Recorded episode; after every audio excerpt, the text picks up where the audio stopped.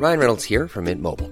With the price of just about everything going up during inflation, we thought we'd bring our prices down. So to help us, we brought in a reverse auctioneer, which is apparently a thing. Mint Mobile unlimited premium wireless. Ready to get 30, 30, bit to get 30, bit to get 20, 20, 20, bit to get 20, 20, bit to get 15, 15, 15, 15 just 15 bucks a month. So, Give it a try at mintmobile.com slash switch.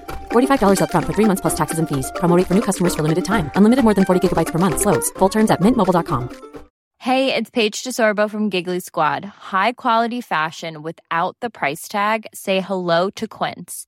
I'm snagging high-end essentials like cozy cashmere sweaters, sleek leather jackets, fine jewelry, and so much more. With Quince being 50 to 80% less than similar brands. And they partner with factories that prioritize safe, ethical, and responsible manufacturing. I love that. Luxury quality within reach. Go to quince.com slash style to get free shipping and 365 day returns on your next order. Quince.com slash style. There's never been a faster or easier way to start your weight loss journey than with PlushCare. PlushCare accepts most insurance plans and gives you online access to board-certified physicians who can prescribe FDA-approved weight loss medications like Wigovi and Zepbound for those who qualify. Take charge of your health and speak with a board-certified physician about a weight loss plan that's right for you. Get started today at plushcare.com slash weight loss. That's plushcare.com slash weight loss. plushcare.com slash weight loss. Er du klar for pod, Øystein? Veldig klar for podium, Roar. Og de her eh, ut på tur-poddene er jo helt fantastisk. Og nå er vi altså forflytta oss langt ned i Sør-Rogaland på garasjebesøk. Ja, nå er vi hjemme hos en sånn eh, legende, vil jeg si. En legende. Vi snakker tusenvis av hestekrefter i en bil som du ikke skulle tro hadde det. Nei. Nei, vi kjører pod, da. Ja, vi gjør det.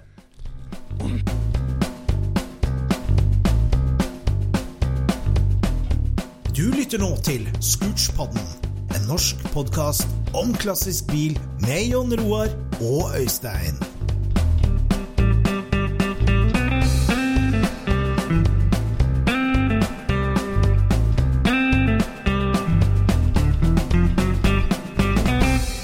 Kjære lytter, velkommen til en ny episode av Scootspodden. Og i den norske bilfaunaen så er det jo noen sånne eh, ikoniske biler som du har hørt om, som du har sett, som du har stått og sikla på, på et treff, og som er liksom eh, ja, eh, litt i en annen divisjon. Eh, nesten som fra et annet, en annen sfære, på en måte. Og en av dem som har bygd en sånn bil, som eh, alle har hørt om og mange har sett, og som er en sånn helt utrolig bil, det er dagens gjest. Velkommen til deg, Magnor Mydland. Takk for det, ja. For du har altså tredd over 2000 hestekrefter ned en gammel Ford Granada, du. Ja, det, det ble sånn. Jeg vet ikke hvorfor, men Veit ikke hvorfor, ja. Det er spesiell motivasjon. jeg har tatt litt av. Ja, det kan vi trygt si. hva, hva, starta det ikke med en plan, egentlig, om å komme dit? Har det bare blitt sånn? Nei, det som egentlig skjedde, var at jeg hadde Jeg hadde en, en, en 75 Granada 3 liter gir, så jeg hadde penger avtalt med Pitesyn og Statens eh, Ja, Vegvesenet, ville vi sagt, men med, med ve- Veidire- Vegdirektoratet. Ja. Eh, Vegdirektoratet, ja. Ja, så jeg snakket med deg, kan jeg si, og da fikk jeg lov til å montere den, en fem liter Ford V8 i, i en sånn bil, og det gjorde jeg. Men jeg kom aldri så langt jeg fikk vist den, for det var en som kjøpte den bilen med originalmotor. Jaha. Så når jeg kjøpte den eh, Granada 78-modellen, da, som, eh, så spurte vi om jeg kunne få lov å bruke den bilen istedenfor, og det fikk jeg lov til. Jeg fikk lov til. Jaha. Men, men hvordan argumenterte du for å få lov til dette her? sånn? Det virker jo liksom Nei, det, det var jo eh, I den tida så var det jo ikke Det var ikke mye hester i den første 302-en. Eh, eh, og vektmessig og stand så var det innenfor. Eh, så det var i grunnen ikke noe hindring. Nei. Nei. Nei, eh, norske regler var sånn i den tida. Ja. Ja, Så du gikk fra V6-er til V8-er, og det var greit, liksom? Ja, jeg fortok meg 3 liter eh, V6 til V8. Mm. Ja. Jeg skjønner. Hva var tanken bak det å gjøre det byttet der sånn? Var det her en bil du brukte som familiebil, eller, altså, altså, eller var det hobbybil allerede da? Nei, altså det, Granada var jo egentlig De var såpass nye, de, ja, det var ikke så veldig oppnåelig for en ungdom ja, å, å kjøpe Nei. en sånn en bil. Så det, det, jeg kjøpte et, et, et vrak eh, oppe i Hokksund. Ja. Og så dro den hjem og, og eh, begynte å bygge på den. og Så ble det da den VR-turneen, og så ble det godkjent. Og, og så har det ball på seg i etterkant. da. Så er vært hos teknologen, ikke sant. Og så er det ja. fram og tilbake og forhandla ja. i noen år på flere forskjellige ting. og ja. Du får det til å høres veldig enkelt ut, egentlig. Det var ikke så enkelt, for det tok sin tid. eh, og hvis jeg, hvis jeg skal fortelle litt historie om akkurat det, da, så kan Ja. jeg jo dra det sånn at eh, det endte opp med hos teknologen jeg satte i en Mustang eh, eh, femliter GT-motor. Eh, den sånn Ja. liter HO i eh, Ja. 1980 Slutten av 89, ja. Ja. Og eh, da var jeg inne og viste den, og det gikk gjennom hele bilen. og Vi var ute og prøvekjørte alt. og Ja, det gikk god for det. Og jeg kom med bilsynet med dokumenter og alt, og bilen ble godkjent med det. Ja. Uh, den tida snakket vi om uh, rundt 500 hester, kan du si. Såpass Men nå, nå er vi tilbake da? på Ja. For nå er vi tilbake da på midt på 80-tallet, og du snakker om Biltilsynet i Flekkefjord. Det her er jo før ombyggingsreglene og SFRO og alt det her, ikke sant? Det stemmer, det. Mm. Så det gikk jo litt på, på, på tillit, og, og, og at det, det var greit gjort, og at det var Ja. Men jeg slapp ikke unna likevel. Jeg måtte jo dokumentere, og ja. Og så ble det jo etter hvert så ble det jo eh, godkjent eh, med en lik femliter, bare en sterkere blokk, en 302 Boss, kan du si da. Med enda mer effekt. Mm. Kjørte med det år. Jeg brukte jo familie, bil til familiebil, kan du si. Eh, jeg kjørte jo både sommer og vinter. og det var både i Sverige og Danmark med campingvogn, ikke sant? Og det var, det var Ja. bruks, bruksbil nummer én, det. Ja. Ja. Han, han gikk faktisk et på 1,2 på mila med campingvogn på slep og fem personer i. ja. Ja, men var, var, det, var, det, så var det funksjonen du var ute etter? Bare liksom litt mer hestekrefter for å dra campingvogn? Var det derfor du Det var ikke for å kjøre racing, nærmest? altså? Nei, det var eh, Motor har alltid vært eh, meg. Helt, Ja. helt siden jeg var tolv og fikk min første moped i småbeder. To motorer i småbeder og en ramme. ja. Og, eh, og en far som alltid var interessert i bil, ikke sant? så det, var, det smitta litt. ja. ja. Så Altså, det var der det starta med mopedlivet? Ja. Og den første motoren min var forresten en sånn en 2,5 kubikk, sånn en aftamotor. Altså. Så jeg fikk av onkelen min. ja. Ja, en sånn modellflymotor? Ja, den var jo eldgammel. Eh, men jeg fikk sveip den i kjelleren i Flekkefjord sammen med søsteren min. Vi hadde svinghjul på, på hjul på sykkel opp ned, kan du si. Og du vet, vi fikk jo sjokk når det starta. For det var jo 35 000 omdreininger før det fikk sukk for deg, vet du. Det bråkte jo fem ganger verre enn i motorsak inn i kjelleren, så det var, var Ja. så, Ja. ja, ja. Hvor gammel var du da? Jeg tror jeg var tolv år, kan du si. Jeg var på biblioteket og fant bøker om oppskrift hvordan du skulle blande drivstoff. Nafta og, og, og olje og parafin og litt sånn blanding. Ja. Ja, Drev faren din bilverksted eller sånt? eller? Nei da, han var mekaniker, kan du si, eh, på, på skipsverft da. Eh, Ja. Men han var veldig bilinteressert, så da, han har alltid skrudd bil. ja. Så vi hadde kjelleren fullt av verktøy og alt, og ja. Ja. Så det ble både skruing og, skru, og sveising før jeg kom på ungdomsskolen. Ja. ja. Ja, ja. Og da kom du på ungdomsskolen i modellflymotorisert sykkel, altså? Ja, nesten. Det var ikke så gale. Dro du den i gang med snor, da, eller? Den, uh... Nei, den motoren den uh, var så tungstarta, den lille der, at den måtte jeg uh, Den satte vi svinghjulet på sykkeldekket, med sykkelen opp ned. ja, sånn det var. Ja, ja, sånn, ja. Og, søs, og søsteren min sveide. Ja. Ja. Og, det er jo, og på deg er det bare sånn i nålelyset. Du stiller blandinger, kan si, så du får retta turtall, og så er det bare full fres. Ferdig med det. Ja. Ja. Jeg skjønner. Akkurat. Og så kom det moped til Garstad i deler. Ja, det var en gammel tempo eh, Sånn en eh, Jeg vet ikke om dere har sett det der, sånn, med sykkelhjul, sånn blå eh, Skikkelig spinkel, togirde rattgir.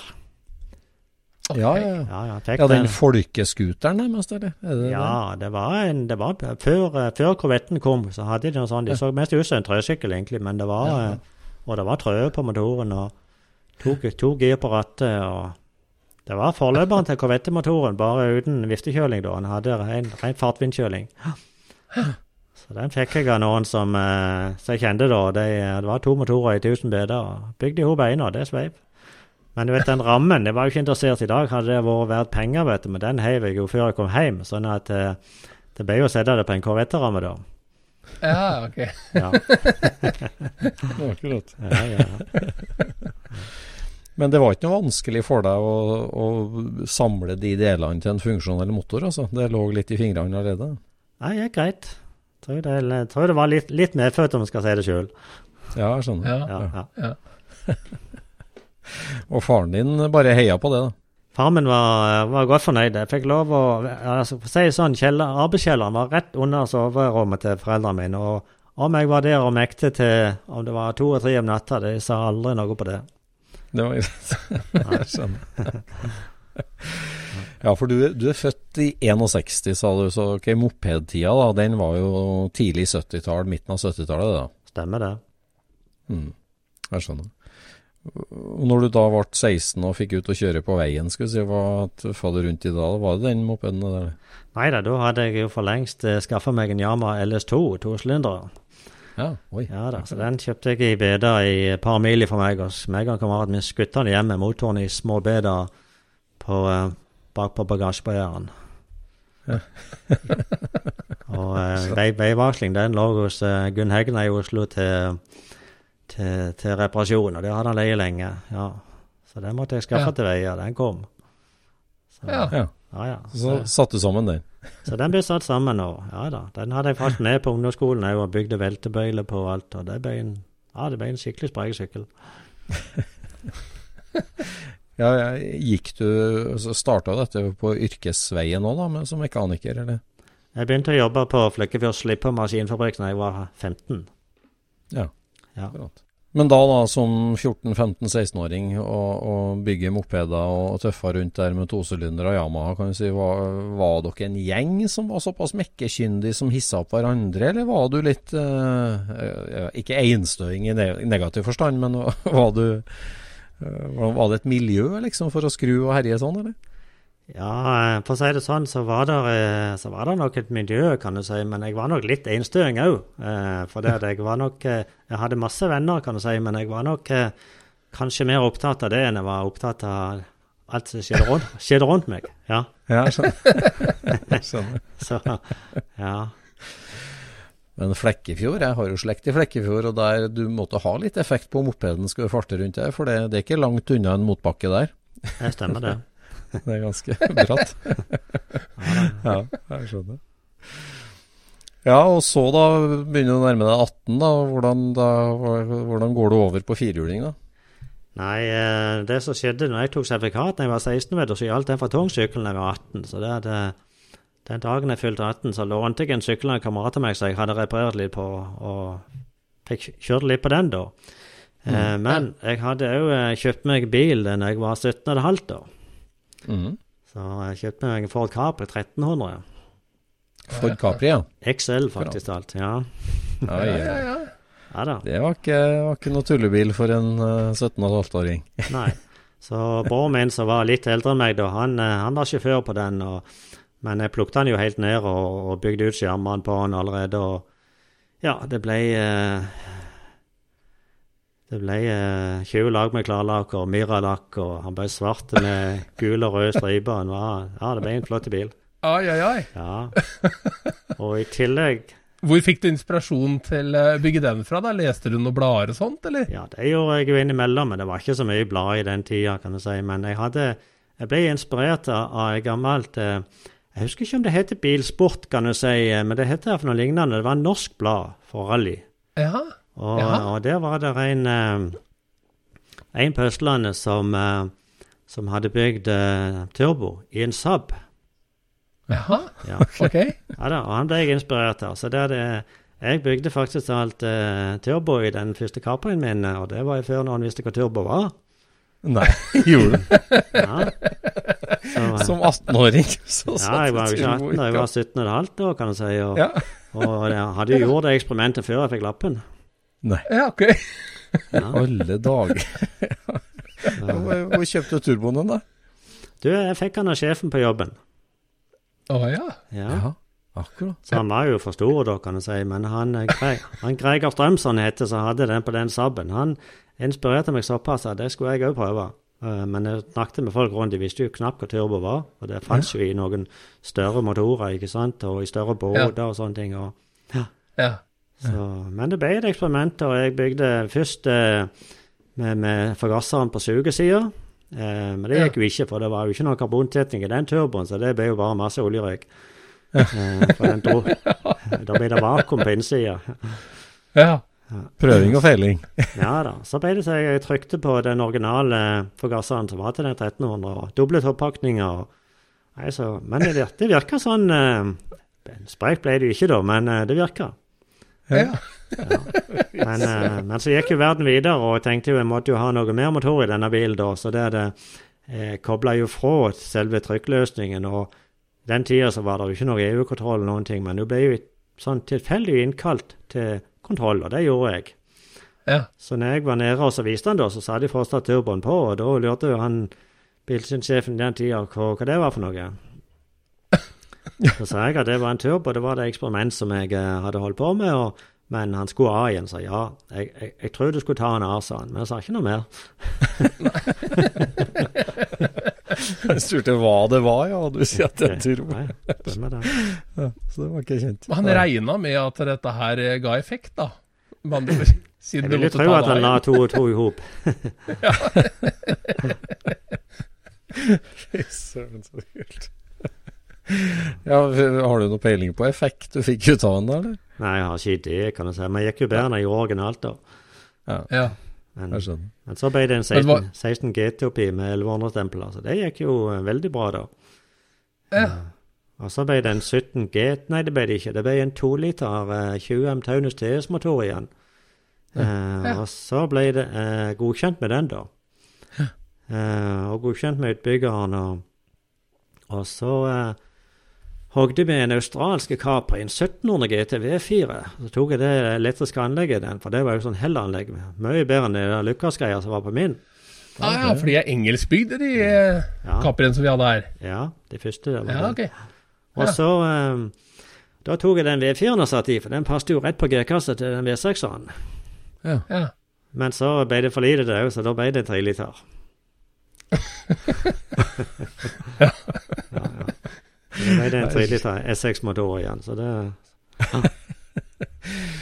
Men altså, da, da hva, hva, hva gjør du med Caprien da når den er ute og kjører? Altså, er, er det gateracing, eller drar du på treff, eller Nei, hvordan bruker tida- du den? Den tida var det veldig lite sånn. Så det, det Ja, var ja. krusing og ja, hente damer.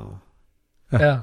Du vet, jeg var jo på Moi, jeg fikk jo lappen da, vet du, og da var jo bilen, eh, ikke sant, tusen og en farger etter sparkel og runding alle veier, og, og når jeg møtte kona mi da her på Moi da, så, eh, ja, hun var 14 år i to dager da, kan du si, da, vi ble sammen da, men, men da sa klassevenn, eller skolevenninnene henne at de sa at du kunne være, at kunne være sammen med han med den fæle bilen. Men, eh, men så ble han jo lakkert etter hvert da. Ja. ja. Og da ble jo han, eh, ja, det ble jo en av de fineste Som vært i området her, om vi skal, om vi skal si det sjøl. Ja. Ja, ja, ja. Ja, ja. Da ble det litt annerledes. Ja. ja. Og hun dama har du fortsatt? Den har jeg fortsatt. Jeg skjønner, så bra. Ja da. Oi, oi, oi. Men eh, bredninger og sånt, er det sånn Can-Am vi snakker om da, eller hva, hva er det de Det, det var disse her kulebreddene som de hadde den tida. Å ja. Ja. Ah, ja, det er det, ja. Ja. Det En var, en MK1 med kulebredder, det er ganske tøff bil. ja, det var, han ble veldig fin. Ja. oi, oi, oi. Jeg har en del bilder av ennå. Han er Det er vel en av de fineste bilene jeg har hatt, tror jeg. Fins bilen fortsatt, eller? Nei, den ble eh, Den ble kollidert. Etter jeg solgte den på Jæren, så ble han vraka etter kort tid. Ja. Ja. Æsj. ja. Akkurat. Men eh, Så det at det ble en Ford Capri som første bil, da, det var nærmest tilfeldig? da, Eller vokste opp i en Ford-familie, liksom? Jeg hadde en eh, Når jeg var Hvor gammel var jeg da? Skal vi se, i 65-64 år. Da kjøpte pappa en brukt eh, gammel konsul. De som ser Ja. ut som en Zodiac og disse her, ikke sant? Korset. Ja. Mm. Og så um, Bror hans var jo oppretta lakkerer i Flekkefjord på Opel. Så de, de pustet ned den og lakka den, og det var vår første bil som familie, da. Ja, Ja. Han hadde jo hatt, da- eh, han hadde jo hatt bil i ungdommen da, i hop med faren sin og brødrene sine. og og bygde om i den tida fra svære rekker til hadde rekkesekser. De brukte så mange liter på mila i etterkrigstida, de kunne ikke kjøre med de, vet du. Så de la- lagde adapter i den tida òg, og bygde på, eh, bygde på andre motorer. Ja, kjøpte biler da som ingen ville ha, for de drakk så mye bensin. Så fikk de alle billige biler. ja. Ja, ja. Så da var du helt alene om en eh, sånn type bil, egentlig, i Moi Flekkefjord-området? Altså en bredda Mira-lakkert. Det, det Ja. var ikke mye annet? Det var faktisk alt eh, ganske stort formiljø i Flekkefjord. Og det var et par venner av meg òg som bygde eh, lignende bil da samtidig. Ja. ja. Mm. En Amcar-miljøet, da? Så da har det jo begynt å bevege seg stort i både Trondheim og, og Oslo, for så vidt. Men øh, hvordan var det der hos dere? Altså, MK-miljøet har vel alltid vært der, mer eller mindre, kan du si. Men det var ikke stort, kan du si, i den tida.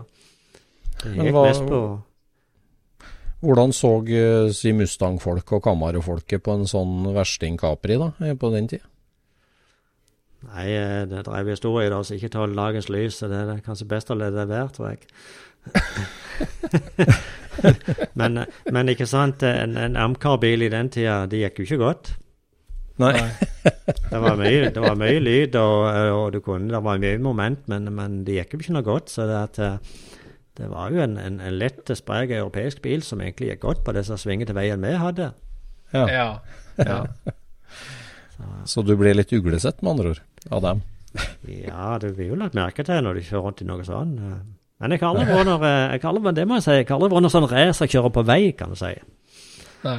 Nei, jeg har alltid likt eh, mye effekt og alt sånt, men uh, jeg tror kanskje det er vår grunn til at jeg gjerne er kommet der i dag eh, med byggene, at jeg eh, ja, jeg tror ikke jeg har vært kjent for å herje racer rundt i nærområdet. Nei. Nei. Nei.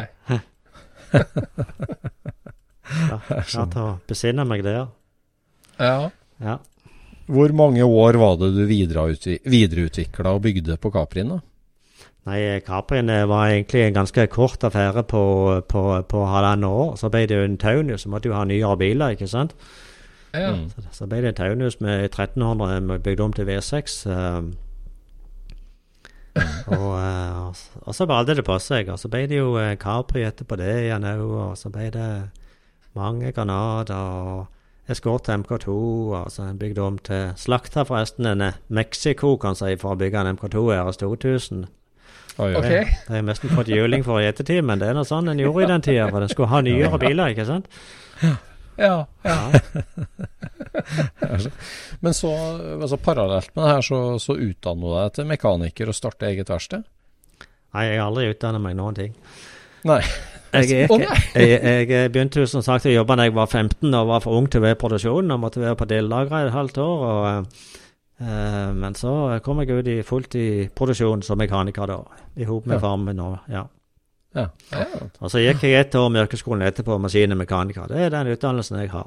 Resten er hjemmelært. Er? Ja. Ja, eh, men du starta bilverksted sjøl etter hvert? Eh, Ja, nei, jeg starta motorverksted i 95. 95, ja. Mm. Ja. Mm. ja. Så fram til da var du på verft, eller? Hva? Jeg var eh, Jeg har vært så mange plasser, kan du si, men jeg eh, var på verft, og så ble det litt slakke tider der, så Så det vil si, før den tida òg, så var jeg eh, Jeg var faktisk alt på Alexander Kielland. Oi. Eh, Var det det? Var ja, det det? men jeg, jeg, var, jeg ble ansatt akkurat når det at eh, Når de tok inn eh, Ibsen-plattformen til land, og så var det folk i samme firma som ble flytta over til Kielland. Eh, og og eh, med, jeg som var ny, kan du si da, jeg eh, fikk egentlig beskjed om å komme ut igjen, og så fikk jeg en telex om at jeg ikke måtte komme ut likevel. kan jeg si. Og så fikk jeg meg en annen jobb på landet, og så gikk det en måned, så gikk han rundt. Så det var egentlig på mitt skift at han gikk rundt, for å si det sånn. Å, fysj. Og såpass, ja. Såpass, ja. Uff. Ja. Så, så jeg jobbet faktisk lite grann på en lærfabrikk. Jeg jobbet lite grann på uh, hos onkelen min på, på en fin bensinstasjon i Flekkefjord. Og, uh, og så uh, jobbet jeg på Rosenberg verft i Stavanger. Da, etterpå Alexander Kielland, og da bygde vi jo Stadfjord B der. Ja. Og så skulle jeg i militæret da til sommeren, men når den plattformen var ferdig just på nyåret, da, så, så, så, ringte jeg Forsvaret og spurte om jeg kunne komme inn tidligere, og det gjorde jeg. Så da kom jeg inn i transporten i Vattelnæren i Sandnes. Mm. Og, et, og etter de første månedene der, så ble jeg sendt til Oslo på, eh, på Forsvarets overkommando. Det vil si, jeg var på verkstedet, bilverkstedet deres nede på Akershus, der de vi serva alle disse privatbilene de hadde. Ja. Ok. Så vi hadde 150 kjøretøy der, inklusiv et par ordinansmotorsykler, så de hadde der stasjonert på Akershus. ok. Så jeg bodde på, på, på, på terminalen der ved siden av Stortinget da, i de månedene. Så jeg, eh, det var mestens en jobb, ja. Mm. Ja, ja, ja. Akkurat. Kjekt å være mekaniker. Ja. Altså, så da bygde jeg òg en Capri mens jeg var der, da. En, sju, Ok. en 77 16 GT som jeg bygde om med utbygde skjermer, med saksbilskjermer, da. Eller, Mens du var i Forsvaret? Ja. Jeg hadde jo tilgang på verkstedet hele veien, og var jo der både dag og natt. Ja. Ja. Ja, Leide du deg garasje i Oslo, da? eller? Nei, jeg var inne på det på, i Forsvaret. På Ja, Akershus. ja. Rett ved siden av Akershus, det, det der Forsvarsmuseet. De har, re, Ja. de har revet den bygningen i dag. Ok. Så det var meg og så en sivil sjef, eh, og så en, eh, en, eh, en fra Forsvaret fra, fra Furuset som var utleid der til da. Så det var ikke tre. Ja. Ja. Ja. Men jeg var egentlig sjåfør da, kan jeg si. Så jeg kjørte av og til noen kan man si, høyere befal når det ikke der var andre sjåfører ledige. Eller så var Ja. en mektig bil. Ja. Ok. Men jeg hører jo det at du har hatt mulighet til å lage mye deler opp igjennom. Du har kjent mye kunnskapsrike folk òg, som du har sikkert lært av og hatt noen muligheter vanlige folk i garasjen ikke har hatt. ja, det kan en gjerne si, men jeg prøvd godt mine egne veier, kan du si. Jeg tror, Ja. jeg, tror jeg er nokså sjøllært. Mm. Ja. Ja. Mm. Mm. ble, jeg ble satt på prøve der i Forsvaret der inne, og han var bilingeniør, han som jeg jobbet sammen med, og han testa meg ut de første dagene, men det sluttet han fort med. Akkurat. Jeg skjønte, at du visste hva du snakka om. Ja. Ja. skjønner. Men så, da, altså eh, Granadaen, som er ho ho hovedbilen, får vi si, da, den, eh, den kjøper du i 86, var det sånn? Jeg kjøpte den i 83. 83. Mm. 83, ja. 83 ja. Akkurat. Da var jo Da- ikke det gamle bilen. Nei, det var det han ikke var, kan du si. Så jeg hadde vi ikke hatt råd i den tida til å kjøpe en, eh, en, en bil For det var ganske kostbart i den tida. Kjøpe en fin sånn en. Ja. Ja, ja. Mm. ja, ja, ja. Mm. Så så Ja, det var en fin bil. ja. Jeg vokste opp i en sånn eh, 77 mer stasjonsvogn her i Granada, så, eh, med beige stoffinteriør, så vi kjørte land og strand og vokste opp i den. Ja, jeg er oppvokst i en Granada-familie sjøl, jeg. Ok. Så jeg, faren min hadde først to eh, Escort eh, 1300 GT etter hverandre. Og så hadde han Taunus todørs, og så var det en Granada todørs, og så var det en firedørs Granada med to liter, og så var det en firedørs Granada med 2,3. Ja, ikke sant? Tofarve. Ah, ja. Så det har vært mye Granada i mitt liv, i hvert fall. Ja, for, for en Ford-mann da, så der du, så, så du går hele veien, og eskorta kaper i Taunus og forskjellig, så en så ny liksom familiebil, da, rett og slett firedørs, stor, solid Granada, du kjøper en krasja og bygger den opp igjen. ja. Kjøpte den utbrent. Utbrent, faktisk. Ja, han sa det. Jøss. Brent i kupeen eller i motorrommet, eller? Nei, det eneste som ikke var brent, eh, var i motorrommet. Ok. Ja. Ja. Ja, var det sånn via forsikringsselskap eller noe sånt? Eller? Nei, i den tida fikk jeg kjøpt den direkte, direkte, direkte av hoggeren. Ja. ja, Ja. hoggeren. Akkurat. Ja da. Stemmer. Hva måtte du gi for noe sånt, husker du det? Ja, det husker jeg veldig godt, for det at eh, skulle ha 6000 kroner for den med papirene.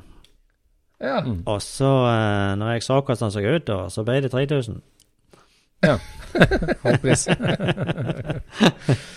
Men planen helt først da, det var å bygge den opp igjen som en strøken originalbil, på en måte? Eller starta trimmingssuget med en gang?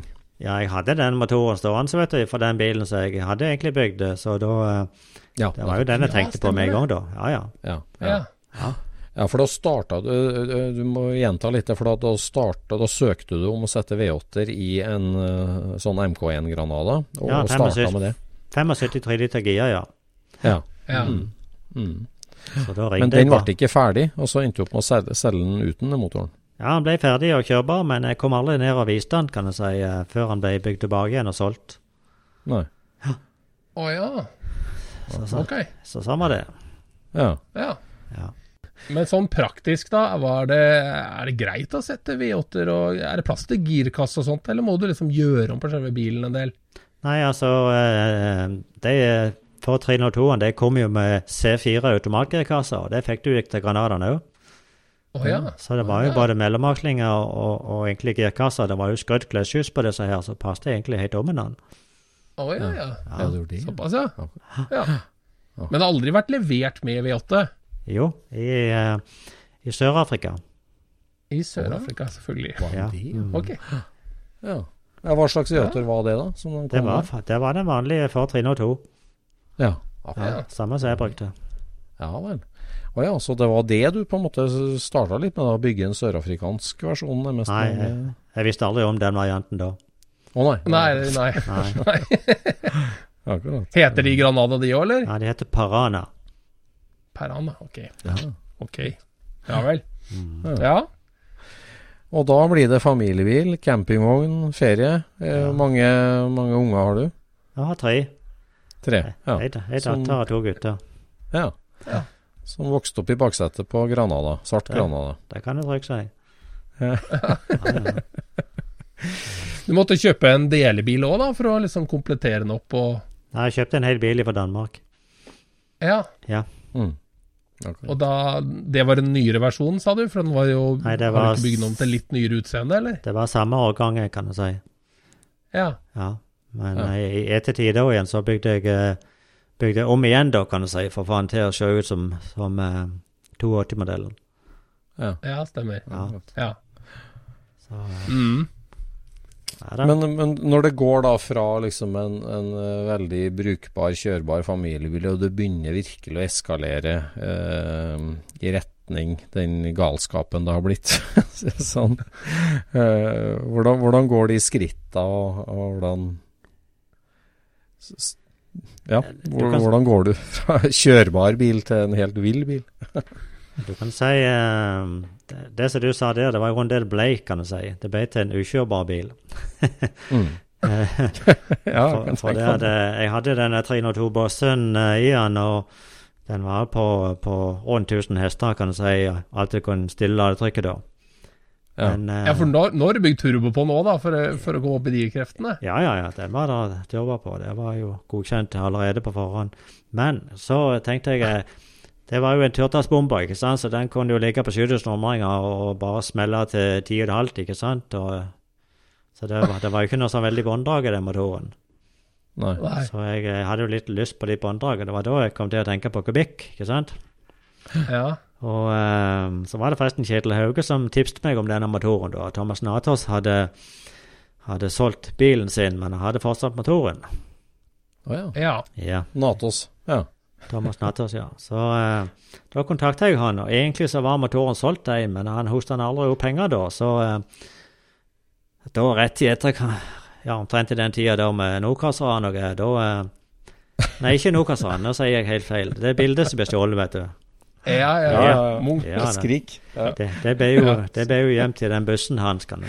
ja det Så, så, så det var der oppe jeg var og henta den motoren. Han tok den med hjem fra Sverige, for han sto i Sverige da. Oh, ja. yes. Og det, og det Ja, var var det en motor fra en av toppfuel-bilene? Altså? Nei, det var en, eh, en, en Han kjørte en, en Maverick.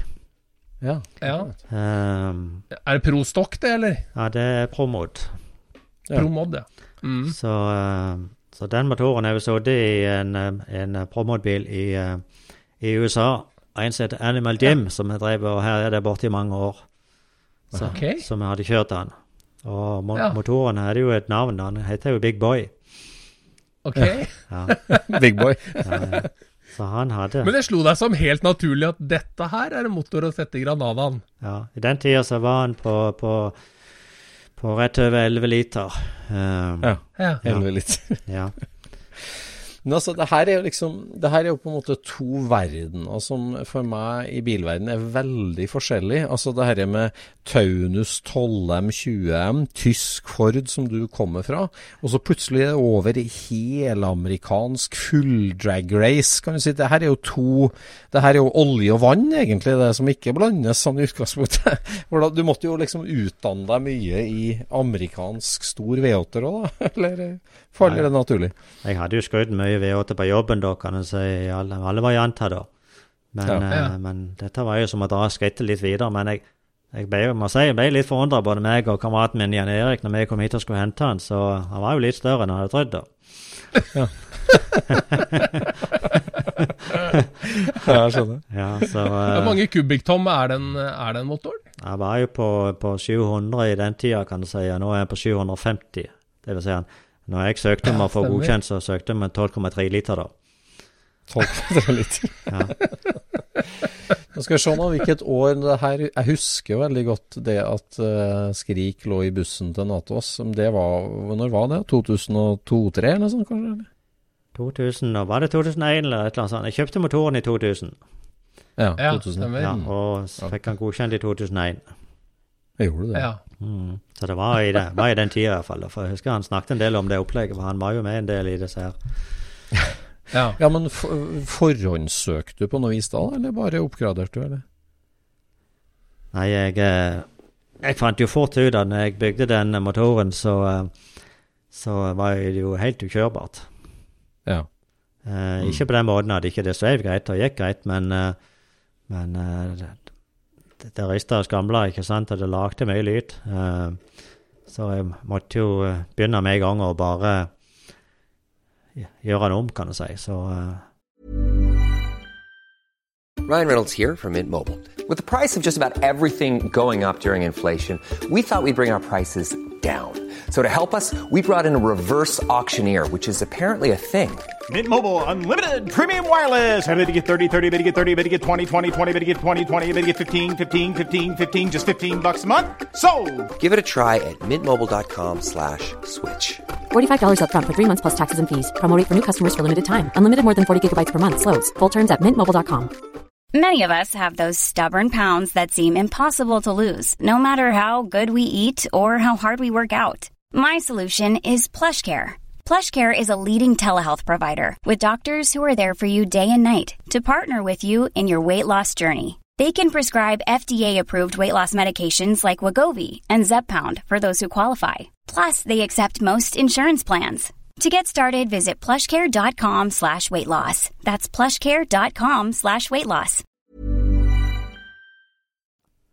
Så Ja. han ble jeg, For det du går, gikk fra nå, det var jo en, var en, en Ford 5 liter med turbo, Ja. og så går du til denne her eh, Natos-motoren. Ja. Ikke sant? Det var ikke noe der imellom. Nei. Nei. Og dette blei litt kraftig kost, den, den Det er ikke motoren. kraftig kost, men, men det ble mye mer støy og sånn. Jeg hadde den stumt montert, ikke sant, og for å få det Ah. praktisk på plass til den store motoren. og eh, Ja. meter, det står jo og hoppet fra 0 til 300, ikke sant, pluss. eh, sånn at han var, han var jo kjørbar og grei sånn, det var ikke noe med det, men det bare det var eh, Kjøregleden var jo vekke, ikke sant, med sånn en eh, ekstrem Ja. motor med så mye sylinderklaringer, og det ble veldig mye lyd. eh, sånn mekanisk inni bilen òg, kan du si. Ja. sånn. ja, det ble plutselig en racerbil av hele greia. Ja, det, det ble til at jeg tenkte her må jeg raffinere det, kan du si. Og, og når jeg var og viste den òg, og sånn, så hadde jeg jo Da hadde jeg jo girkasse bak, kan du si, for å få uh, grei vektfordeling, tenkte jeg, og sånn. Men Ja, du eh, hadde en transferkasse? Nei, jeg hadde Altså ikke en transfer, men en, eh, Jeg- en Ja, hva heter det? Jeg bygde for, F- en Ford E4 OD, kan du si, i hop med Ole Ringstad, kan du si, um, som jeg hadde på 302 Bossen. Så bygde jeg Ja. med et eget stålkløsshus til den, og så monterte den bak, rett på diffen, på en nitommer. Ja, med sånn torktube imellom, Jeg da? hadde ikke torktube, jeg hadde mellomakselen rett imellom. Aha, Og det, ok. og det som skjedde da, det var det at motoren er så veldig kraftig i slag at lokkoppkløsjene i konverteren klarte ikke å holde takta. sånn når de Hvis du traff akkurat på rette punktet rett over tomgang, så var det 120 desibel med støy ifra, Ja. ifra konverteren. Og fra konverteren. Ja, ja. Så, eh, så jeg måtte jo raffinere det litt, og det, det lovte jeg Bilsynet òg at jeg skulle gjøre, kan jeg si. Så det, det. Og det var litt rart, for det, det var jo ikke Flekkefjord-Bilsynet som godkjente den egentlig, det var det jeg viste den, men eh, når jeg hadde vært i tillegg vært i kontakt med teknologen igjen på nytt for å prøve å få denne til, så var det ikke noe flere Det var ikke noe strengere krav enn det jeg hadde vært igjennom eh, i Norge i den tida. Og det er jo heller ikke noe effekt i vognkortet på så gamle biler. Så jeg kunne jo velge om jeg ville ha effekt eller ha det fritt. Eh, for det at eh, når jeg skulle ha det i vognkortet, så måtte jeg dokumentere det, og det hadde jeg ikke tilgang på den gangen der. Nei. Så da ble det sånn at det ikke ble stående noen effekt. eh, Men jeg sa jo det var ca. 1700 da i den tida. Og det hadde jeg i forsikringspapirene òg, og det har jeg ennå. Ja. Men hva, hva gjør at de ikke slår kolbøtte bakover når du sier det? Det er jo Nei, eh, det som skjedde, var det at jeg, når jeg begynte prosessen i Flekkefjord, så uh, i mellomtida så eh, ble Flekkefjord underlagt Mandal. Ja. Så det var biltilsynssjefen i Mandal som hadde siste ordet. og han det vil si at han hadde en utsending som var i Flekkefjord den dagen jeg hadde vært på støytest med bilen, for det var jeg i Stavanger, og kjørte sånn kjørende støytester. Ok, ja. Ja. Uh, og det klarte jeg akkurat. Uh, fikk 85 desibel, kan du si. Det målt to ganger på begge sider. Eh, Ja. og så i reglementet så skal de runde 1 desibel, og en halv skal rundes ned, så jeg fikk 84. okay. Ja. Men, men det er sånn at du skal kjøre ikke sant, i en viss fart, og så skal du akselerere på en kort strekning. Mm. Ja. Men, men så langbein som min var girt, så var jo det under tomgang da jeg begynte å gi gass. Så det er, akkurat den kjøretesten gjør ganske greit. sånn. Ja. Men ja, det er jo helt vilt, vet du. Men eh, ja, for, altså, den beslutninga der fra å gå fra ja, kjørbar 302, da, som du sier, til 12 liters helt vill altså, du, du sier da at du ønska deg litt mer bånddrag, men eh, altså, det, var det å bygge en racerbil? Altså verdens største Granada, eller altså, verdens verste Granada, var- det en tanke, liksom? Eller? Nei, i, i meg så var det ikke tanke i det hele tatt, for jeg er jo bare interessert i motor, og bilen er bare en testbenk, ikke sant. ja. Ja. Så, ja. så mange har jo spurt meg hvorfor det ble en Granada, men det er jo bare tilfeldigheter. Og faktisk altså, hadde han ikke gått ned, for han går jo ikke ned i motoren på en Mustang, for- ikke sant. Nei, nei, nei. Nei. Og, det, og det, var ikke noe, det, var ikke noe, det var ikke noe skummelt for deg å ta tak i og begynne å skru på en sånn ja, fullblods racermotor? Liksom. Det var, falt deg helt naturlig. Du var var ikke helt- redd for det? Helt naturlig, kan du si. Men det, eneste jeg fant ut, at eh, eh, du måtte holde øye med mange flere komponenter, kan du si, som for alt som kunne gå sånn, det gikk jo sånn på en racermotor omtrent. Måten det er bygd på, ikke sant. Mm. ja.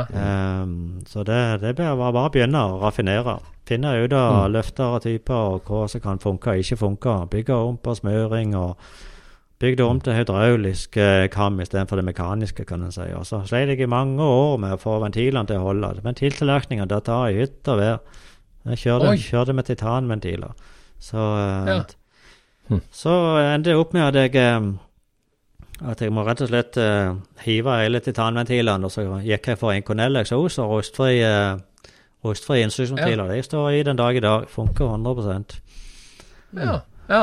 ja, så, For sånn rent teknisk så er dette her en uh, Dette er vel en Er en sånn John, eh, John Cass-motor, eller hva de heter for noe, eller? ja, stemmer. Er Han, det- han, han bygde den opp, Ja, det det? Han bygde den opprinnelig. Ja, no, nummer tre av den type motor han bygde.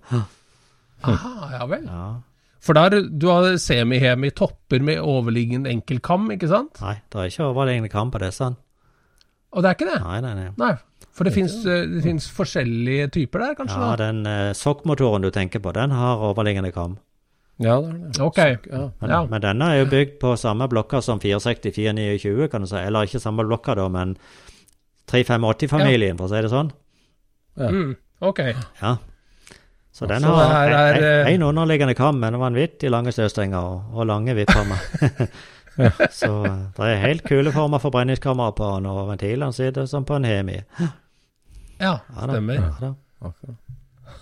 Som Ford laga jo, eller de lagde jo den motoren for å liksom hamle opp med, med Hemi-motorene til, eh, til Chrysler, var det ikke sånn var, Ja, var tenkt, på en måte? Tanken egentlig De, de ansatte han eh, Alan Root til å så- så støype disse motorene for seg. Og eh, de ble opprinnelig lagd i maks 500 kubikktonn, for det at de skulle jo satse i toppfuel. Ja. ja. og Derfor er de støpt med både Chrysler og Ford boltmønster på baksida, eller på bellhousing. Ja, ja, ja, ja. Og I tillegg så ble blokka støpt om eh, sånn at arbeidet eh, kunne montere på eh, sidemonterte eh, fordelere. Med tanke, på, okay. med tanke på å få plass til presset oppå, kan du si. Ja. Okay. Men, eh, men den satsinga Ja. ble det aldri noe av. Så det, det, da, da kom det en ny klasse i USA som var fri kubikk, og da begynte de å støpe de blokkene enda høyere i dekket, sånn at de fikk plass til mer kubikk. Det, det var da de virkelig begynte å ta det i bruk. Mm. ja. Ja. Og det er vel grunnen til at dette her eh, er litt vanskelig å få ned i en Granada, kanskje? At den begynner å bli høy? Ja, høy, høyden er én ting, men, men han er så vid, og der er Granaden helt ideell, Ja. for den har jo ikke McPherson oppheng i. Så det, jo, jo høyere han er, til bedre plass blir det oppe i innerskjermen. Ja. Ja. Ja, Ja. For du har doble armer eh, foran på den, ikke sant? stemmer det. Originalt. Ja. Ja. Ja, det. Ja. Sitter fortsatt original forstilling og bakstilling på den, så er modifisert og forsterkt. Gjør det. Ja. Ja da. ja, men eh, den bakstillinga der sånn eh, Har ikke du en nitomsklump der, eller? eller Nei, men det, det, det er bare senterklumpen, som jeg eh, bygde om til delt, kan du si. Så det sitter 35 på en stikkeavslinger, og så er det en lastebil mellom mellom akseldel etter driveavsling med lengdeforskyver. Ja, ja. Ja. ja, det er ikke noe problem å bygge om en sånn til, eh, til IRS, en sånn klump, er det går fint. Går fint, det. Tar bare litt tid. Det går fint. Det tar veldig tid, ja. Ja, ja. Har du i verkstedet ditt eh, maskiner til å maskinere og lage alt det der? eller? Jeg har en del, ja. Har det. Ja, det. ja. Hva var det, van hva var det vanskeligste med å tre det monsteret nedi i Granadaskrotten? Nei, det vanskeligste var egentlig høyden, da. Ja. ja. Mm. Så, eh, men eh, med innsprøytning sånn, så løste det seg, for da slapp en det der forgasseren som sto på toppen av der igjen. Så da Mm. ja. Så jeg inviterte forresten uh, Bilsyn eh, tre ganger til å komme og se når jeg eh, senkte ned i motoren, og med tanke på utforming av panser, da. Ja. Um, og så endte det opp med det skupet som jeg har på den i dag. Og, um, og når jeg kom ned og viste den da, så syntes han det var litt voldsomt, men så ba jeg han sette seg inn, og ja, faktisk altså, innså han det, at du, du så det du skulle se. Ja. Ja, Ja. så det, ja. Så det var, ja, for det er en bra, bra kasse du har midt på der. ja, ja, men han er jo ikke i veien, sånn eh, Nei. Mye mindre enn de fleste tror. Ja, Ja, ja, ja. ja, ja. Men du sa det at du måtte raffinere den litt. Hva, hva gjorde du da? Da ble den vel gummimontert igjen, da? Eller? Han ble gummimontert Hva igjen, ja. Det gjorde han. Og Ja. girkassa Ja. kom fram. Ja. Og så du flytta girkassa fram, ja? Ja. Mm. Så gulvet ble bygd sånn at det passer på både fram og bak, kan du si. Så jeg bygde en sånn en torktube òg med en egen aksling inni der, ja. men på grunn av det du vil aldri kunne få rett line på dette, sånn, og da må du ha noe bevegelig ledd. Og jeg, jeg prøvde meg òg på en sånn torgtube med CV-ledd i, kan du si, men det var teit i to dager, og så begynte det å slå igjen. Mm. Okay. Så jeg har i grunnen gitt opp den delen, for jeg klarer aldri å få det til å treffe i retning som du kan kjøre med torgtube med stiv aksling. Ja. Nei.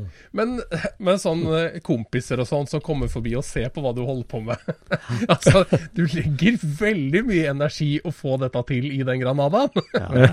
ja, ja. det hadde ikke Det må jo liksom det, det, det er jo ikke alt som tyder på at dette kommer til å gå bra mens du holder på, ser det ut som. Men, eh, men du, du løser det til slutt. Ja, det sier det slutt.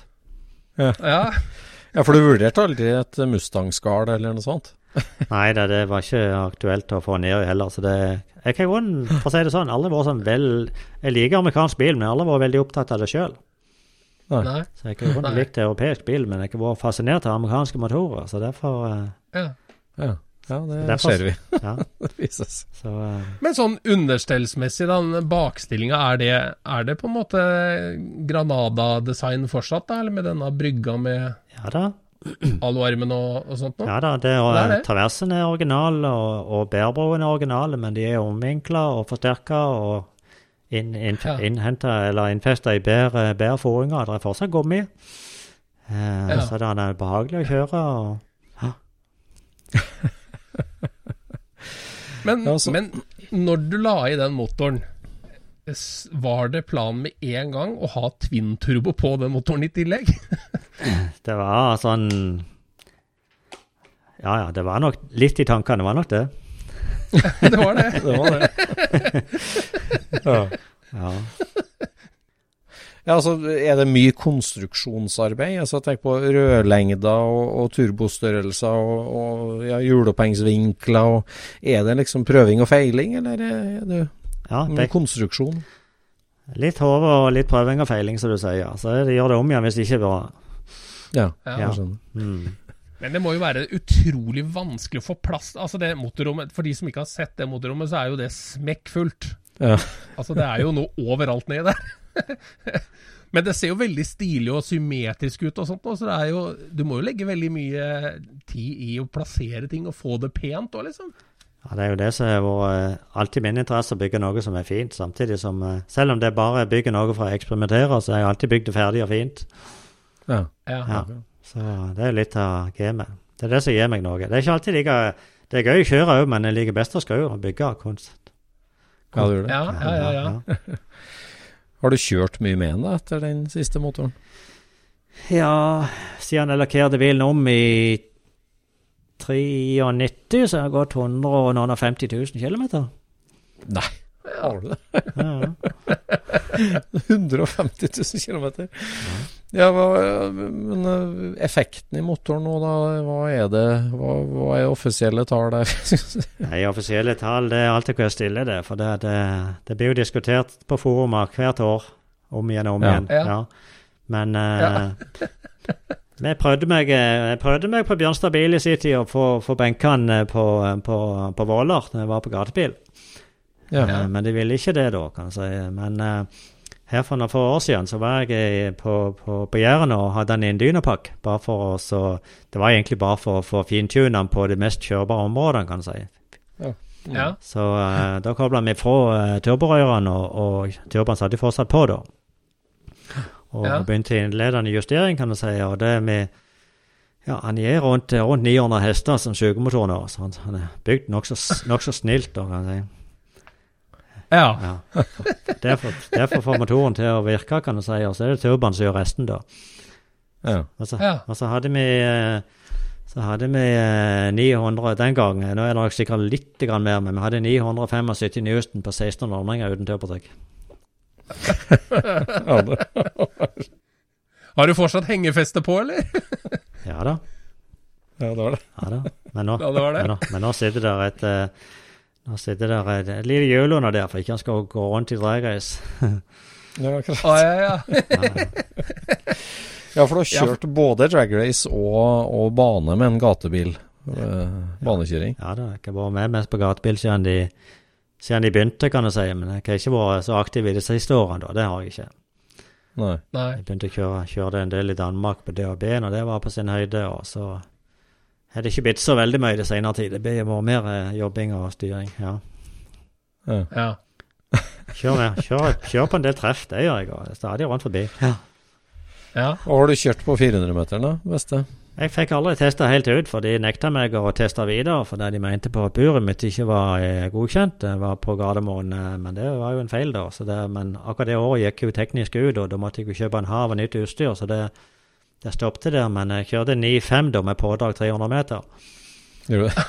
Så jeg tipper ca. 8,5 sekunder, tenker jeg gjeng i hvert iallfall. Men det er jo med Ja, gateoppsett og nesten 400 km toppfartsgiring, ikke sant.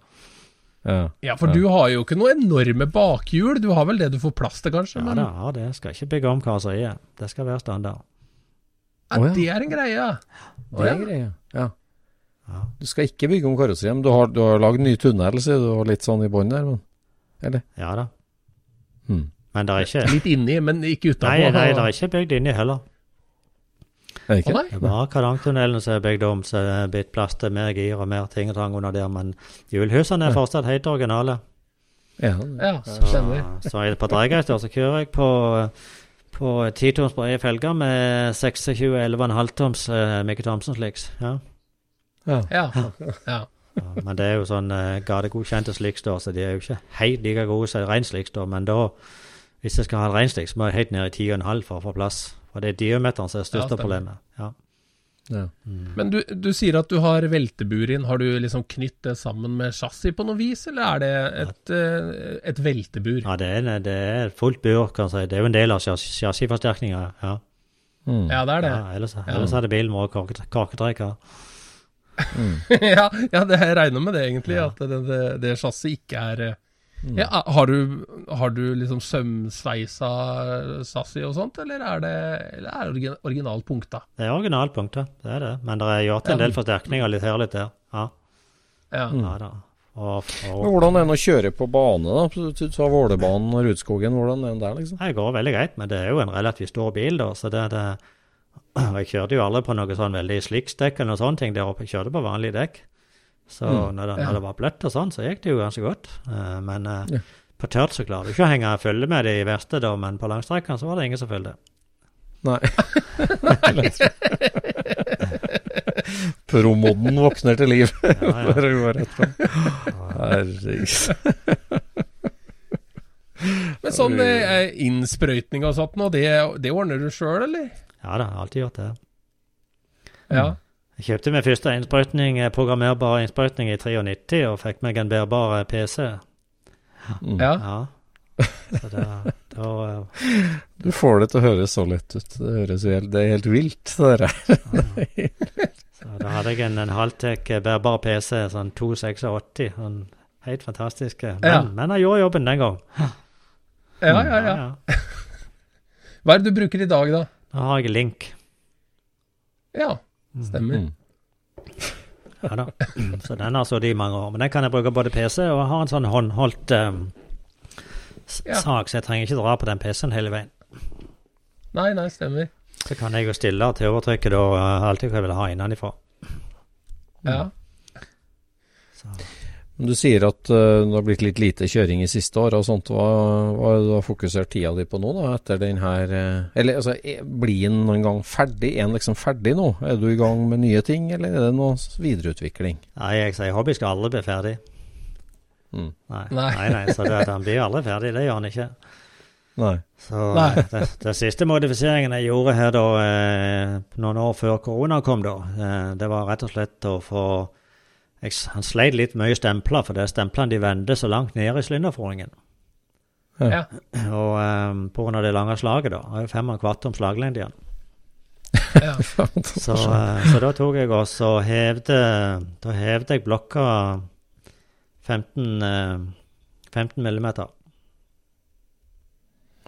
Du heva blokka 15 mm? Ja, jeg bygde en spacer på toppen av blokka, og så borde jeg eh, Å, gjorde du det? Så borde vi rett gjennom alt og borde opp eh, original eh, Ikke foringene, da, men, men blokka òg, sånn at jeg fikk litt mer gods i slynderforingene. Og, og Ja. da, eh, kunne jeg, eh, da tenkte jeg å konstruere til nye råder som Bill Miller i USA lagde til meg, og så eh, og så fikk jeg lagd noen, enda noen nye stempler da, etter tegning, og så, så ble det veldig suksess. Siden har ikke bytta stempler, det funker så bare det. Ja. Nå får du stemplene lenger, For- lenger inn i sylinderen, kan jeg si. Altså. Ja, ja. Ja, for det var vel sånne skjelettstempler i den der i utgangspunktet, vil jeg tro. Nei, det var, det var olje og vanlige reistempler i sterkeste sort kunne få. Ja. Men, eh, og de er fortsatt uh, solide og greie, men de er bygd litt annerledes, så de er mye lettere enn de var opprinnelig. Og, Å ja. og- Ja vel, ja. og rådene er jo eh, konstruert helt annerledes, sånn, og de er jo veldig lette, så det er ikke mye vekt jo det går. Nei, Nei. stemmer. Så nå, eh, nå fungerer det ganske godt. Har du noe kontakt med de andre som har maken motor, da, eller? De der Nash-motorene? Eh, Nei, ikke noe spesielt. Det er jo ikke noen rundt som har noe sånn her. Så det er det. Nei. Men jeg var litt i kontakt med han uh, han Seigdan i, i USA. Da Thomas Natos tok han jo med seg hjem på flyet, ikke sant, i bagasjen. Ja. Så, eh, men, eh, og han, eh, han sier det, det, det var den beste motoren han hadde, og han hadde rekorden i USA i fem år med den motoren. sånn. Med akkurat den, ja. ja. Så han hadde flere. Med Big Boy. Ja, han, han hadde flere av de motorene der, men dette er den som gikk best av de alle i hop, sa han. Og sånn. den siste han hadde, okay. den gikk til Sveits, eh, men jeg vet ikke hvor han eksisterer hen i dag. Nei. Han, sa- han, Big boy. Jeg kalte han en, tø- hadde han en Thunderbird da han kjørte. Ja. Han kalte det for Wonder, Wonderbird. Ja, men eh, du har jo noen andre saker i garasjen nå, du. Jeg tenker på eh, å ha en Di Tomaso Pantera i garasjen, og så har du en Granada som antakeligvis går bedre, eller hvordan får du gjort den balansen der? Nei, det er jo to forskjellige biler. da. Den Panteraen det skal jo bli en, eh, en kose cruisebil, ikke sant? Ja. Ja. Ikke... Den, skal han se omtrent original ut, den, eller? ja, han er Han ser ut som en GT5, kan du si. Det er en GTS med ombygde GT5 og halv Pantera i USA. Så han kom sånn til Norge og ble registrert som bevaringsverdig sånn. Mm. Så Ja. Det var en bil som var helt under rust, og der jeg eh, plukket han helt i atomer, og så hadde han til syredoping i Halden, og så begynte å bygge bil. Mm. Ja. Akkurat. En Pantera helt uten rust? Det må jo være Ja, det er sjelden kost. Ja. Så den har du holdt på med siste år, og nå er straks ferdig? Han er nesten ferdig, ja. Ja, akkurat. Så den reiv jeg av plastikkutbyggeren på alt i hop før jeg syredupte den, da, og så tenkte jeg jeg skulle ha på igjen der, for han skulle bli lik, men så tenkte jeg jeg kan ikke ha på igjen glassfiber, så jeg, eh, jeg lagde 100 lik glassfiberutførelse i stål og så monterte på den. Så nå, så, Gjorde du det? nå, er, nå, nå er han helstål. Ja, Ja. ja, Og sånn platebanking, det gjør du òg sjøl, da? ja. ja. Ja. Ja, ja. Er du smed, så er du smed. Ja, det er noe med det. Ja, ja. Ja, hva slags jobber er du tar på deg i motorverkstedet ditt da, ellers? Nei da, nå, eh, nå driver jeg ikke så stort der lenger, for det, jeg, jeg, jeg har alltid solgt deler og ting. Jeg har alltid solgt olje.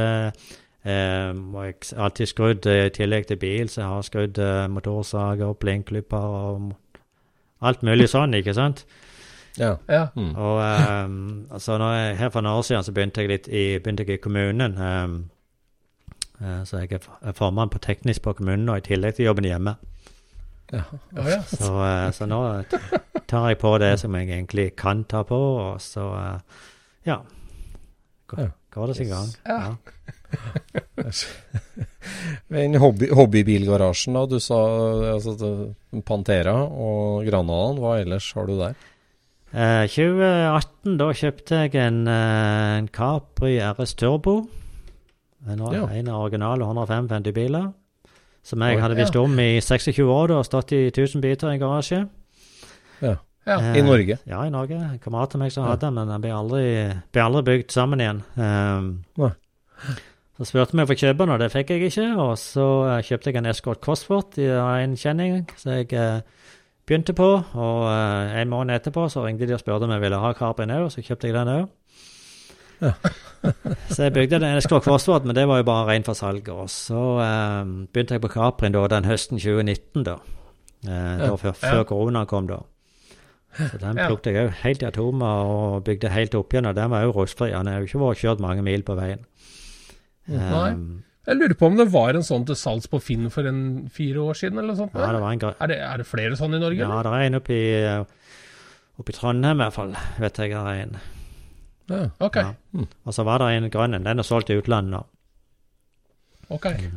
Så den er du ferdig med, altså, så du har bra produksjonstakt? Ja, jeg bygde på den, eh, bygde den på det året. Så sommeren da 2020 så var jeg ferdig med den. Jeg har brukt 2500-600 timer på den eh, det koronaåret. så det var sånn det, det var litt for vilt, egentlig, men eh, ja. Å, herregud. Og, og samme høsten da, da kjøpte jeg den Panteraen òg, så den sto klar for tur. Så jeg var ferdig med, med Capri da, så begynte jeg rett på den. Så den var i grunnen nesten ferdig til året etterpå, men ikke helt. da. Men den er ennå ikke ferdig, da, for jeg har ikke prioritert den det siste året. ja. Nei. Men gjør du alt sjøl, da? Eller altså, lakkering? Gjør du? Ja, jeg kan lakkere alt sjøl, men jeg tok ikke det siste utvendige sjøl. Tok alt det andre, men det, det hadde jeg sted. Ja. Mm. Jeg skjønner. Men jeg hørte at, eh, at du hadde satt deler av motorsykkelsamlinga på hylla. ja. Jeg hadde jo si til 89 så bygde jeg verdens minste motorsykkel. Eh, Ja. Og den eh, Verdens minste motorsykkel? Ja. As you do. Den er på nest, Ja. nesten to hester og gjenger 16 km i timen. Eh, men på det, det minste hjulet jeg måtte ha på bak da, for å få liten nok hjuldiameter, da går den 11,6 km i timen. Eh, men, men, det føl- men det føles som 120 på en stor sykkel. Ja. Er, Hvor stor er den her i centimeter, da? han er 12,5 cm i sedehøyde. Han er 12-13 cm aksleavstand. Og definisjonen på verdens minste er at du, du som voksen person kan kjøre en? Ja, det, må, det må kunne kjøres, ja. ja. Og det greier du? Jeg kjørte 570 meter, og da var tanken tom. Oi! Ja, er det en, er det en sånn uh, flymotor igjen, eller Nei, det er en bitte liten McCulloch motorsagmotor igjen. Eh, det vil si han er ikke bitte liten, for han er på nesten to hester, da. Men, uh, men den motoren var skrudd inn i kroppen. Den var ikke stept i hop med resten, så det passet veldig greit å bygge. Så motoren er jo ramme, egentlig. Ja. Ja. Stemmer. Jeg, Bærende enhet. jeg har hatt han med på gatebil, og jeg har ikke kjørt regrace med han. Og, ja, ja, det var ikke så enkelt, for han dro med seg så mye av denne gummien at hjulene blir større etter hvert som jeg kom utover. Ja, ja. Herregud. ja, har du fått den inn i Guinness rekordbok? Ja da, det var det. Ja, det var det. Men han gikk ut igjen òg etter en stund, for det var en engelskmann, de hadde rekorden tidligere, og, som bygde en bitte liten en med flymotor, da. Men den, den sto han oppe med én fot og kjørte én meter på Ja, Ja. Okay. ja. Men du satt på din og kjørte 75 meter? det gjorde jeg. 570 meter. 570? Utrolig. Ja, Ja, når du er ferdig med Panteraen, da, hva er i kikkerten da? da? Hva skal du drive med da? nei, da tenker jeg at jeg må eh, Da må jeg eh, ta meg litt av Granadene igjen, tenker jeg. For nå er den bare gått og gått og gått nå i flere år uten å bare bruke den. Ja. Og det Ja. kan fortsatt gjøre det, da, men uh, jeg ønsker jo å putle litt videre med den òg. Ja, Ja, ja. ja, utrolig Ja. Altså, Det var veldig artig å bli kjent med deg, Magnor. Og takk for at du tok deg tid til å prate med oss her i Scootspoden. Veldig hyggelig. ja da, bare grei det. Så gleder vi oss til å se mer av Granadaen og pocketbiken og alt. Så, Det dukker nok opp igjen, skal du Ja. ja. Mm. Ja. Og spesielt Pantera nå da, i stål. Det blir flott å se. Hvordan er det liksom da å skulle bygge en altså bygge, restaurere og bygge mot en originalbil, kontra det helt ville ombygginga av det? Er det like artig, eller? Ja, jeg syns det. det. Jeg liker å skape ting, så det Det var jo Mm. bare en ekstra utfordring, det å bygge skjermene og sideskjørter av fronten i stål, kan jeg si. Det, det tok en og en halv måned å bygge det, så en, Mm. en og en halv måned sparkla det opp, så var det gjort. Fantastisk. Ja, du får det til å høres så lett ut, men det er ikke lett det du har gjort. Å bygge så mange hester i en Granada og en så liten motorsykkel. Og alle andre prosjekter. Jeg glemte å si i stad, når vi bremste Emstrand da, så klarte vi Vi klarte som sagt rett over 900 hester som sugemotor, og, og, eh, og det momentet vi fikk ut den, og så koblet vi på eh, trykkrørene igjen. Og så kjørte vi den, den dynepakken rett til limiten, kontant. Ok. Og limiten var Ja, nei, eh, han tar rundt 1200 hester, da. Eh, så Ja. Da ble det til at vi måtte risette hele benken og miste alle utskriftene. Heldigvis så hadde vi filma det, da. Så fikk ikke ut noen ting papirmessig. og Så begynte vi på nytt igjen, da. Så vi havna på rundt 1200 hester og 1600 newton, var det vi klarte å bremse. Men det var bare på styrt, styrt gasspedal og bitte grann ladetrykk. Så og jeg kjører to bare, to bare ladetrykk på det meste, da. Så det er det. Og så har jeg mange forskjellige kammer, da, så det er alltid hva jeg setter i, da. Men eh, ja, jeg er bygd den for han skal være kjørbar og kunne bruke langs veien, og det er han. og det- Selv mor kjører han, og ungene er overkjørt i han, og det går fint. Du låner den ut, ja? Jeg låner låner ikke ut, da, men de er overkjørt i han, og ja, ja. Å ja, ja. Øvelseskjøring. ja, ja, ja. Det er en litt atypisk familiebil når du ser bildene og nå ser den i virkeligheten. Så det er jo det jeg sier, at selv mor kan kjøre og handle med sånn bil, det er ingen problem. Starte når det skal. At det går. Helt vanvittig. En perfekt historie for eh, oss i Scootspodden. Vi, vi liker helt utrolige bilhistorier, og dette er en sånn historie. Tusen hjertelig takk, Magnor. ja, Vi gleder oss til å se den på veien. Takk for oss. Ja, ha det bra. Scootchpoden produseres av SSC Media, med god hjelp av VV Norge og Trond Dahl for hosting, Knut Micaelsen for musikk. Abonner på Scootchpod via podcaster eller Acast, og følg Scootchpod på Instagram og se det vi snakker om. Der kan du også komme med kommentarer og innspill, og fortelle oss hva du vil høre om.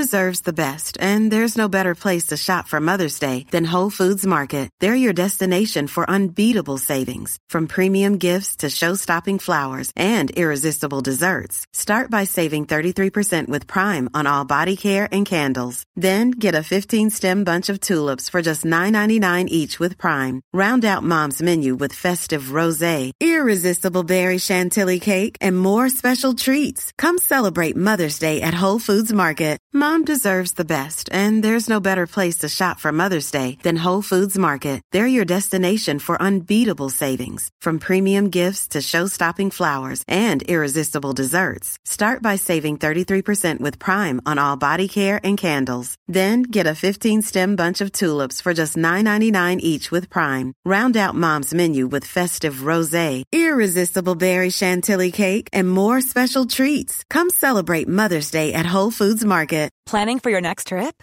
Elevate your travel style with Quince. Quince has all the jet setting essentials you'll want for your next getaway, like European linen, premium luggage options, buttery soft Italian leather bags, and so much more. And is all priced at 50 to 80% less than similar brands.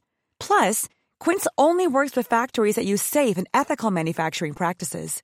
Pack your bags with high-quality essentials you'll be wearing for vacations to come with Quince. Go to quince.com slash pack for free shipping and 365-day returns.